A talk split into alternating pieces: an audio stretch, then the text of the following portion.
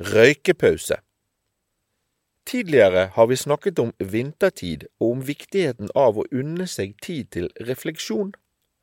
Det finnes én gruppe mennesker som er veldig flinke til å finne tid til dette, der alt annet kobles ut og en unner seg en pause. Nemlig røykerne. Jeg vet det, for jeg har vært en sjøl. Egentlig så er jeg sikkert fremdeles en røyker, sjøl om jeg har sluttet med selve handlingen. Du kjenner det sikkert igjen. Nå skal jeg bare Og så kan du putte inn det som passer, og så skal jeg ta meg en røyk. Det er skrevet milevis med bøker om hva røyking er. Det kan være substitutter, en psykologisk tilnærming, det er et suttebehov osv. Jeg skal ikke gå inn på det her. Ei heller ta stilling til hvorvidt en bør røyke eller ei. Men jeg skal virkelig mene noe om det å ta en røykepause. For det er noe jeg trenger.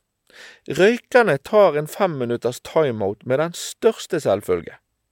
Om det er å gå ifra bordet under en bankett, snike seg inn i et glassbur på en flyplass, gå utenfor døren i storm, snø eller regn, eller godt tilbakelent i bilen, så er det å ta den lille pausen eller utkoblingen, om du vil, gull verdt. Dette er noe vi alle burde unne oss å sette av tid til. Ikke selve røykingen, altså, men det å ta fem minutter. Bruk fem minutter på å stoppe opp og kjenne etter. Hvor er jeg? Hvor skal jeg?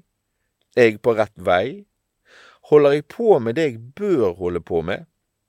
Dette er spørsmål jeg kan og bør stille meg sjøl regelmessig, gjerne flere ganger om dagen. Det er fint at folk slutter å røyke, men pausen kan man med fordel beholde.